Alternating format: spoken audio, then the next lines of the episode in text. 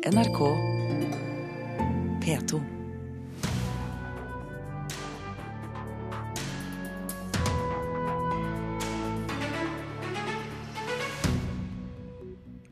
Et Munch-maleri med motivet 'Pikene på broen' ble solgt i New York i natt for nesten en halv milliard kroner. Seks byer har meldt seg på i kampen om å få nytt kontor for kreativ næring utenfor Oslo, men kunstnernes organisasjoner er kritiske. Og Morten Tyldum regisserer Hollywoods største stjerne, Chris Pratt og Jennifer Lawrence. De har vært på settet. Og om eh, Passengers, filmen 'Passengers', får du høre om litt senere i sendingen. To Munch-malerier ble solgt på auksjon i New York i natt. Det var 'Pikene på broen', som på forhånd var verdsatt til 420 millioner kroner, rundt 50 millioner dollar. Og ble solgt for 54, altså 456 millioner kroner. Ung kvinne på verandaen var Petter Olsen som solgte. Den var i prisantydning underkant av 30 millioner, og havnet omtrent der. Hans Rikard Elgheim, Munch-ekspert ved Grev Wedels plassauksjoner i Oslo. Velkommen til Kulturnytt. Takk. Altså 456 millioner kroner for Pikene på broen. Hva forteller det deg? Nei, det er jo en abstrakt pris for de aller fleste. Det er oppsiktsvekkende. Og det var jo kveldens ubestridte høydepunkt i går. Og dette salget over modernister og impresjonister, det, der var dette maleriet i meget fint selskap. Så dette er en stor begivenhet. Når det er sagt, så har vi jo vent oss til at den aller dyreste kunsten, den når altså fantasipriser. Rundt en halv milliard og, og, mer. Og det er jo ikke første gang for Munch, som vi vet. Nei, og hvis vi går så, så, såpass kort tilbake i tid som åtte år, så gikk det samme bildet for bare halvparten. Hva forteller det?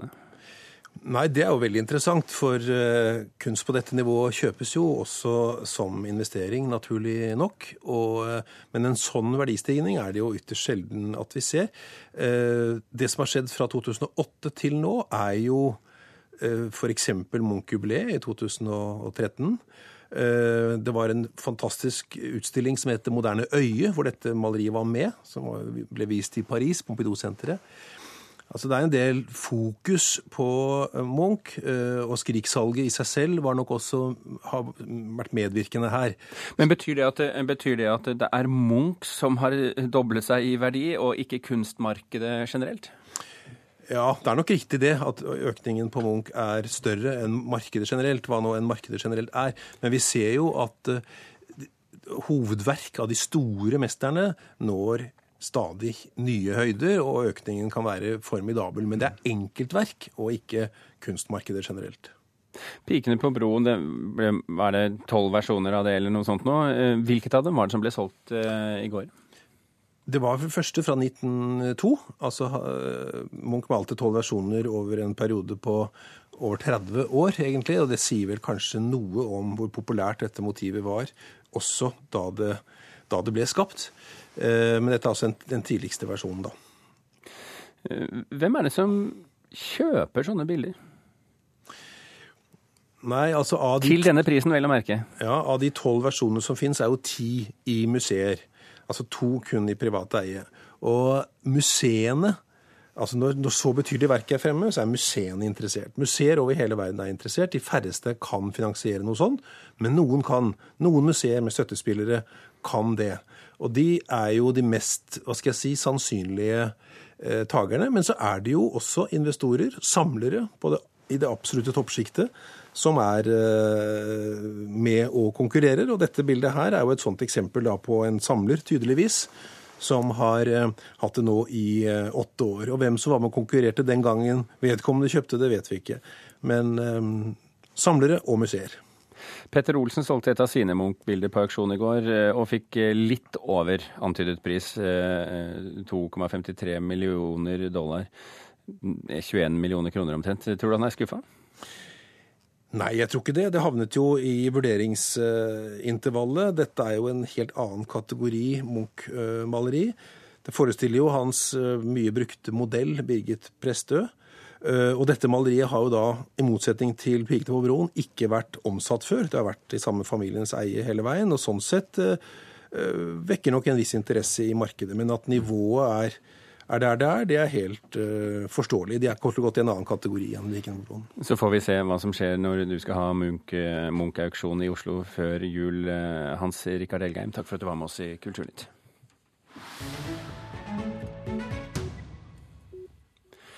Seks byer har kastet seg inn i kampen om å få et kontor for kreativ kulturnæring utenfor Oslo, og i dag er det audition hos kulturministeren.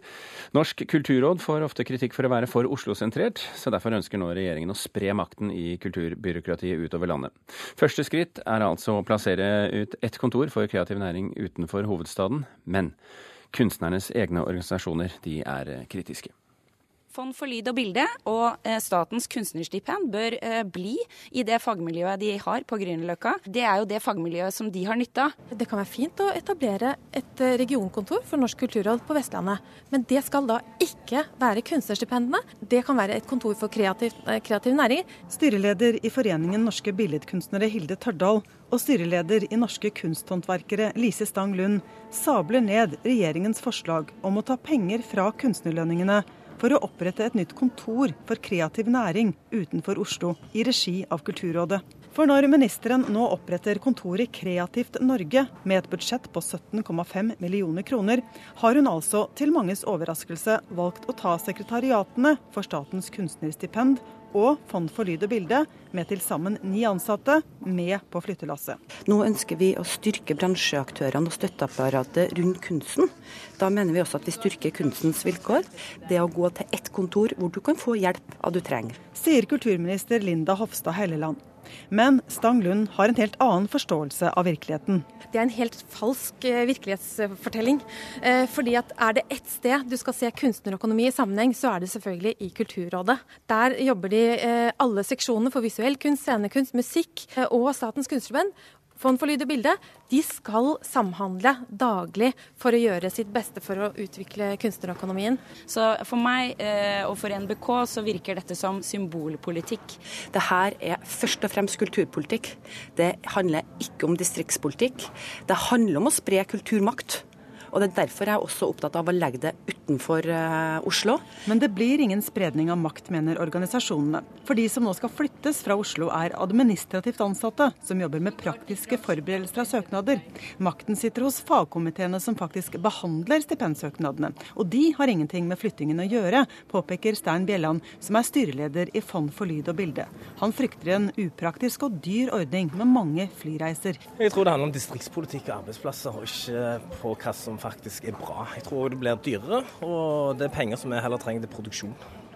Hvis vi skal tenke at uh, antall flyreiser er det som skal være et hinder for at vi skal spre kulturmakt, at vi skal få sterkere kulturklynger, at da er det mye vi kunne få gjort. Da har jo måttet alt logge i Oslo. Hvor kontoret Kreativt Norge skal ligge er ikke bestemt. I dag skal Bergen, Stavanger, Trondheim, Tromsø, Kristiansand og Drammen på det ministeren selv har beskrevet som en audition i Oslo. Men det her skal først og fremst skape store resultater på kunst- og kulturområdet, og for Norge som kulturnasjon. Det er derfor vi gjør det. Det sa kulturminister Helleland til reporter Anette Johansen, Espeland. Julie Andersland, byråd for klima, kultur og næring i Bergen, velkommen til Kulturnytt. Takk for det. Dere skal altså på audition i Oslo i dag. Hvordan skal du overbevise kulturministeren om at kontoret for kreative næringer bør ligge i Bergen? For oss er det viktig å fokusere på at Bergen har veldig mange sterke kompetansemiljøer innenfor ulike eh, kultur, altså ulike fagfelt. Og vi har vært i forkant med å både opprette kompetanseorgan for musikk, BRAK. Vi har eh, vel det eneste nettverksorganisasjonen for design i, i, Norge. Vi er sterke på spill. Vi har en rekke sterke kompetansemiljøer, og vi har jobbet i mange, mange år med å styrke apparatene rundt musikere og kunstnere nettopp for å lære dem å bygge bedrift. Men hvorfor er det viktig for dere å få nettopp dette kontoret til Bergen? Det er jo nettopp fordi at vi mener at vi har en masse gode erfaringer på feltet som vi, som vi tror at hele landet kan dra nytte av. Og det er jo det som er poenget vårt, det at i og med at vi har jobbet med kompetanse og styrke kunstnere og, og styrke fagfeltene nå i, i mange år, så har vi, har vi, mange erfaringer. Og vi tror at det vil kunne komme hele landet til gode. Så dette er absolutt ikke distriktspolitikk. Dette er, handler om å bruke de fagmiljøene som finnes. Kulturbyrådet i Oslo, Rina Marianne Hansen, du skal også på audition i dag. Men poenget her er jo altså å flytte kontoret ut av Oslo. Hva har du misforstått? Nei, eh, vi har blitt invitert, og da takker vi ja til å komme. Om det er eh, ministeren som bevisst dobbeltkommuniserer, eller om det er noe annet, det veit jeg ikke. Vi er i hvert fall invitert på audition, og om du eh, inviterer, så takker vi ja. Vi gjør dette fordi vi mener at dette ikke skal handle om hvor i Norge det er mest artig å få nye kulturbyråkrater. Oslo har ikke for få kulturbyråkrater, og jeg skjønner godt at andre har lyst på noen av dem òg, men det er ikke det det her handler om. Det her handler om brukerne. Det handler om kunstnerne, og det handler om kulturnæringene.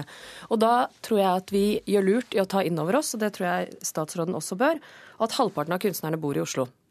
80% av filmbransjen er i Oslo. I 2011 skjedde halvparten av verdiskapinga av kulturnæringene også i Oslo. Men hvis vi tar med regionen, så er vi nesten oppe i 80 um, Bare for kunst ble det omsatt kunst for 400 millioner i Oslo i 2015. Og hvis du ser nestemann på lista, så er det Bergen med ca. 40 millioner. Så det at Oslo er, allerede er navet i norsk kulturnæring, det tror jeg er helt utvilsomt. Og jeg tror også at vi skal huske på at vi ikke holder oss med en hovedstad litt sånn for, at, for å please Oslo-folk. Vi gjør det nettopp fordi at vi trenger den driven og den motoren det er. Når vi har en sterk kulturnæring i Oslo, når vi bygger opp den, så får vi også en sterk kulturnæring i resten av landet. Er dette for deg, Anders Land, eh, nettopp et argument for å flytte kontoret til Bergen? Altså, jeg vil jo si at Det er jo sånn at selvfølgelig det bor aller flest folk i Oslo, og det vil det alltid gjøre. Og hvis argumentasjonen er at fordi at det bor flest av noen et sted, så må noe ligge der, så er jo da mitt poeng at da tror jeg vi kommer til å miste verdifull kompetanse som ligger andre steder. For det er klart at det skjer veldig mye i Kultur-Norge også utenfor Oslo, og jeg er redd for at noe av den eh, kompetansen som utvikles der, er noe vi kan gå glipp av hvis alt skal være sentralisert i Oslo. Og så er det jo heller ikke noen sånn automatikk i at fordi om det fleste av noen, så er nødvendigvis alt det beste. Altså det finnes jo, det er helt sikkert flere fotballspillere i Oslo enn noen andre steder, men man har ikke automatikk i at det er det beste fotballaget. Så poenget mitt er at det finnes mye annen, altså mye annen kompetanse andre steder. Og det tror jeg også at vi kan dra nytte av. Jeg tror også at man ofte ser ting fra en litt annen vinkel når man sitter utenfor Oslo-gryten, og da kan ha litt alternative løsninger og tilnærminger. Ja, nå var ikke mitt poeng at det var flest her, men at bransjen befinner seg her. Og Det betyr også at omsetningen befinner seg her, og at internasjonaliseringspotensialet befinner seg Dessverre, sånn, sånn som det er nå, så er, er hovedstaden der det skjer. Um, jeg tror at vi skal tenke på hva dette nye kontoret skal være. Skal det være et, et kontor for å spre kultur i Norge? Sånn jeg oppfatta det, så er det ikke det. Men faktisk et Eh, det er jo litt uklart hva man skal drive med, eh, men hvis formålet er å utvikle norsk kulturnæring, både til å bli enda mer bærekraftig nasjonalt, men kanskje ikke minst internasjonalt, så må vi jo ta og satse på der vi har sterke klynger i dag. Og der er det sånn at vi vet hvor de befinner seg. Det er i hovedsakelig i vår region. Det har skjedd av flere grunner. Noe av det handler om at det bor folk her, selvfølgelig. Eh, men noe av det handler også om at det har vært en kulturbransjen oppsøker andre deler av kulturbransjen. Vi vet at ulike kulturnæringer bruker andre kulturnæringer som grenser til dem. Men, men de har da kultur i andre byer òg? De har kultur i andre byer, men vi har den delen som har, størst, har hatt et størst næringsutviklingspotensial. Ja, nå vil jeg jo si at Vi har eh, f.eks. veldig mange sterke medieteknologibedrifter i Bergen som eh, vi har et sterkt miljø der. Eh, og så er det jo sånn at vi snakke, Hvis vi skal snakke om internasjonalisering, så er det jo naturlig å trekke frem at vi har en del store musikkartister som definitivt har internasjonalt potensial som stammer fra Bergen. Og har vi litt næringskultur i Bergen vi også, har næringskultur, Og vi har jo også altså sånn som f.eks. spillbransjen, som nå er i vanvittig vekst, har jo hele sitt grunnlag fra Bergen. Det største, det med, spillselskapet med størst omsetning, Dirty Bit, er jo også fra Bergen. Sånn at det, det er jo Det er, finnes veldig mye utenfor Oslo-gryten, og vi blir nødt til å ta hensyn til det når vi skal ha en god kulturpolitikk. Jeg syns det hadde vært gøy å fortsette nå og diskutere hvem som er best, men vi må runde av her. Og så skal vi bare minne om at det er ikke bare Bergen og Oslo som skal på audition i dag. Det er Drammen, det er Kristiansand, Stavanger, Trondheim og, og Tromsø også. Så, vi, så de ikke føler seg forbigått. Men vi hadde plass til to i dag, og det var Rina Mariann Hansen fra Oslo og Julie Andersland fra Bergen. Takk for at dere var med i Kulturnytt. Klokken er snart 18 minutter over åtte. Du hører på Kulturnytt, og dette er toppsaken i Nyhetsmorgen nå. Helsepersonell som stjeler og misbruker medikamenter, bør få en ny sjanse av arbeidsgiver, ifølge Akan rapport. Den viktigste grunnen til at folk mister autorisasjon, er misbruk av medikamenter. Tidligere borgermester i New York, Rudy Giuliani, er favoritt til å få utenriksministerjobben i USA. Det sier en kilde i Trump-organisasjonen til nyhetsbyrået Associated Press. Og langt flere søker nå stillinger med lite krav til utdannelse. Ifølge finn.no får annonser etter butikkansatte sju ganger flere søkere enn annonser for mer teknisk krevende yrker. Som NRK fortalte på radio i går, og som du kan lese på nrk.no kultur nå. Arkitektstudenter ved NTNU mener at det planlagte minnesmerket for Utøya ligner masteroppgaven de leverte i mai 2013. Både vinnerutkastet og masteroppgaven tar utgangspunkt i at det gjøres et snitt i fjellet ved Sørbråten, og at dette skal symbolisere såret etter terrorangrepene 22.07. og det såret det påførte Norge. Og altså nrk.no kultur, der kan du se disse to forskjellige forslagene.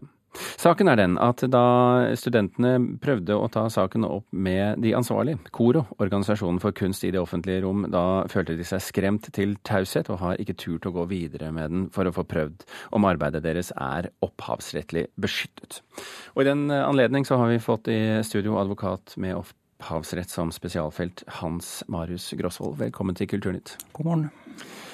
Ja, skal vi bare si til lytterne at denne saken kjenner du fra slik den er fremstilt på nrk.no eh, og eh, i radio i går. Eh, er vi enige om det? Det er vi. Mm.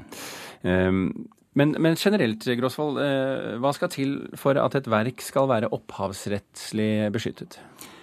Ja, det er jo dette berømmelige verkshøydekravet som man snakker om da. Det er jo sånn at man får bare opphavsrettslig vern for noe som man har skapt selv.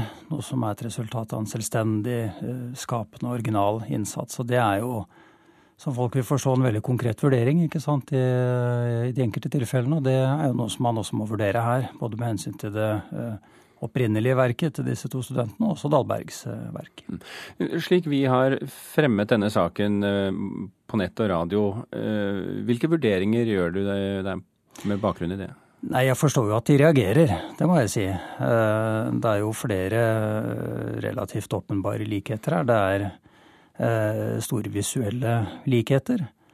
Eh, det er jo også en likhet som jeg festet meg ved i selve tittelen. Altså begge deler handler om minne, eller det å huske. Eh, og så er det jo også det som eh, Rønnestad og Slåttnes har påpekt her, altså likheter i, i ordbruken i forbindelse med, med, selve søknaden.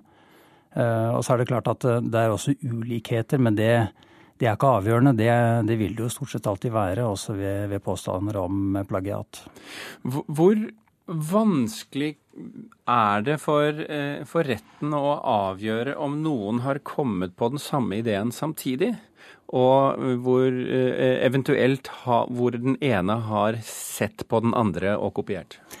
Det er jo langt på vei et bevisspørsmål. Eh, her må man jo forsøke å finne ut av om, om Dahlberg da i dette tilfellet er i det hele tatt har kjent til det foregående verket. Eh, men det man gjør i sånne saker eh, når de ender opp i retten, det er jo selvfølgelig å bringe på banen folk som kan noe om dette her. Og det er det verken dommere eller advokater som kan best. Det er det kunsthistorikere og kunstvitere og andre som, eh, som gjør. Så her, her, har man med seg sakkyndige inn.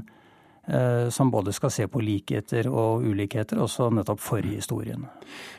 Hvor ofte skjer det at folk går til sak fordi man mener et kunstuttrykk er kopiert?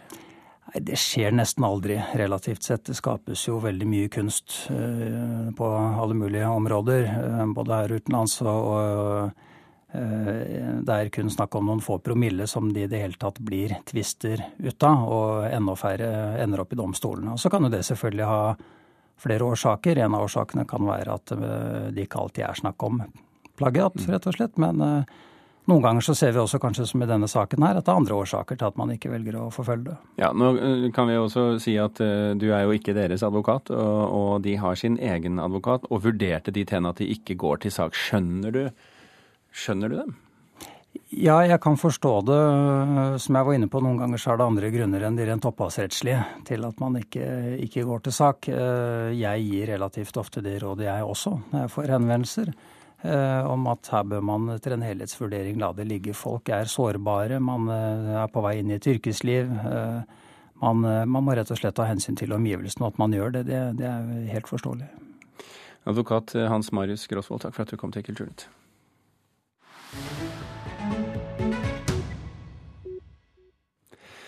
16 store bilder av samtidskunstneren Bjarne Melgaard står fortsatt på tollageret på Gardermoen. Kunstneren har fått avslag på klagen sin om å omgjøre et momskrav på 1,3 millioner kroner. Det skriver Dagbladet.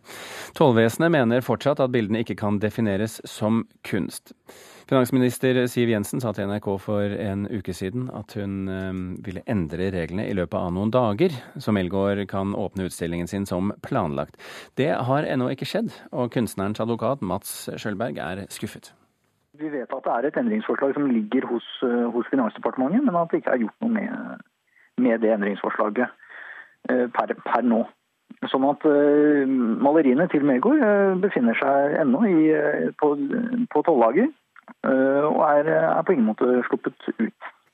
Hvor går eh, smerteterskelen da i antall dager for eh, hvor lenge man kan vente på å få disse bildene igjennom? Nei, Det er klart at det er ikke noe, er ikke noe satt dato for det, men det er, det er forbundet med store kostnader å, å ha, ha, disse verkene stående på, på tollager. Finansdepartementet har ikke hatt anledning til å kommentere denne saken for oss. Reporter her, det var eh, Tone Staude.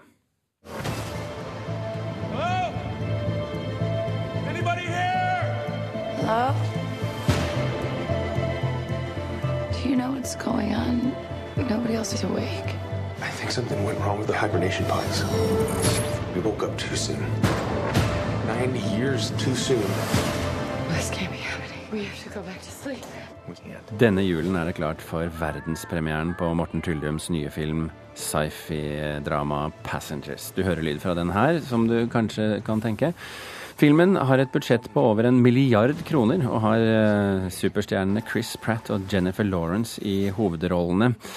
Katrine Elland, kollega og kulturjournalist her i NRK, du har jo vært med på deler av innspillingen, i hvert fall, i eh, Atlanta. Hvordan var stemningen på settet? Det var som å være, eh, få et lite innblikk i et eh, stort maskineri, egentlig. Det er et eh, stort sett litt utafor Atlanta med massevis av mennesker og utstyr, men ikke noe kaos. Alle visste tilsynelatende hva de skulle gjøre absolutt hele tida. Mm. Du kommer litt nærmere mikrofonen, eh, Katrine. Når du sier stort sett, hva er et stort sett? Jeg har jo ikke referansepunktene her. Nei, det var ei stor lagerbygning da, som skal I filmen skal dette være et eh, romskip som er 1,6 km langt og med fem etasjer. Det var kanskje ikke nesten to kilometer langt etter bygget, men det var ikke så langt unna. Eh, og med to etasjer og massevis av meter under taket. Og dette var bare én bygning da, som de brukte. Dette er altså en prislapp på over 1 milliard kroner, 1,2 tror jeg sånn omtrent. Hvordan merker du det på, på omgivelsene på settet? Altså, det var veldig mye høyteknologisk utstyr og veldig mange folk. Eh, de har jo brukt en del penger på ikke bare skuespillerne, men hele apparatet rundt. Eh, og Jennifer Lawrence har jo hun tar sin del av den summen, for å si ja, det sånn. Ja, en god del. ja. mm. Du har jo da bl.a. snakket med produsentene av denne filmen. Hva fortalte de om hvorfor de valgte Morten Tyldum som regissør? Det de sa, var at det var veldig mange regissører som var interessert i å gjøre denne filmen, men da Morten Tyldum kom inn i rommet og fortalte hvordan han ville formidle denne filmen til publikum, så ble de helt blåst av banen og visste at det måtte bli han. Er ikke, dette, er ikke Morten Tyldum egentlig kjent? Er Kalles ikke han kongen av pitching eller noe sånt noe? Jo, alle som har jobba med han både innenfor film og reklame, sier at han aldri har tapt en pitch. Han har aldri gått ut av et rom der han har solgt inn en idé og ikke fått den jobben. Og det har han nok en gang gjort her, da. Vi snakker om Hollywoods eh, største stjerne for tiden, eh, Chris Pratt og Jennifer Lawrence. Eh, hva forteller de om hvorfor de ville spille i denne filmen? De snakka om manuset, at det er helt fantastisk, og at de egentlig ikke hadde tid til å gjøre denne filmen. Og Jennifer Lawrence hadde egentlig heller ikke lyst til å gjøre en sånn stor studiofilm. Så hun vegra seg mot å i det hele tatt ta opp manuset og lese det. Men da hun hadde lest seg gjennom det, så kunne hun ikke si nei. Vegard Larsen, eh, filmmedarbeider her i NRK. Eh, hva slags film er 'Passengers'? Storslått uh, science fiction-drama uh, har blitt uh, kalt Titanic i verdensrommet. det er en kjærlighetshistorie som står sentralt her, i hvert fall det ryktene tilsier. Ingen har jo sett filmen ennå, i hvert fall ingen andre enn de som har jobbet tett ved den. men det er en film, altså ut ifra traileren, så er det en film spekket med actionsekvenser, men med da disse to i et Eh, romantisk forløp da, eh, før det antageligvis kommer til å nå et svært klimaks mot slutten her. De, de skal jo da De er jo inne i det De er eh, i, i, i slags gått i hi, disse menneskene på denne her. De skal ligge ned i dvale i, en, i mange år, ja, også, men så våkner han. Ja, det er nettopp det. Altså, det, de skal på en tur over 100 år i verdensrommet for å nå en annen planet. Og, og så ved en eller annen feil så våkner Chris Pratts karakter opp for tidlig. Mm. Den denne ensomheten han opplever da, gjør jo at han angivelig, i hvert fall det ryktene tilsier, vekker en annen passasjer, og han velger seg da Jennifer Lawrence karakter. Eh, og det, da, da, blir det jo antageligvis litt konflikt etter hvert. Antageligvis. Tyldums første film, 'Imitation Game', fikk åtte Oscar-nominasjoner. Nå han, håndplukkes han til 'Passengers' og har andre prosjekter på gang også. Hva, hva forteller det om Tyldums posisjon i, i, USA for tiden? Han spiller jo nå i Champions League i Hollywood. Uh, 'Imitation Game' kostet 14 millioner uh, å lage. Spilte inn 233 millioner dollar, altså. Uh, noe som gjør jo at studioene velger å satse på han. Denne filmen koster en milliard. Han får lov til å velge fra øverste hylle, både hva gjelder klippere, fotografer skuespillere. Eh, så han spiller nå i toppdivisjonen. Eh, samtidig så er man aldri eh, mer verdt enn sin siste film i Hollywood, så det er spennende å se hva som skjer. Men det bør bli en suksess i hvert fall. okay.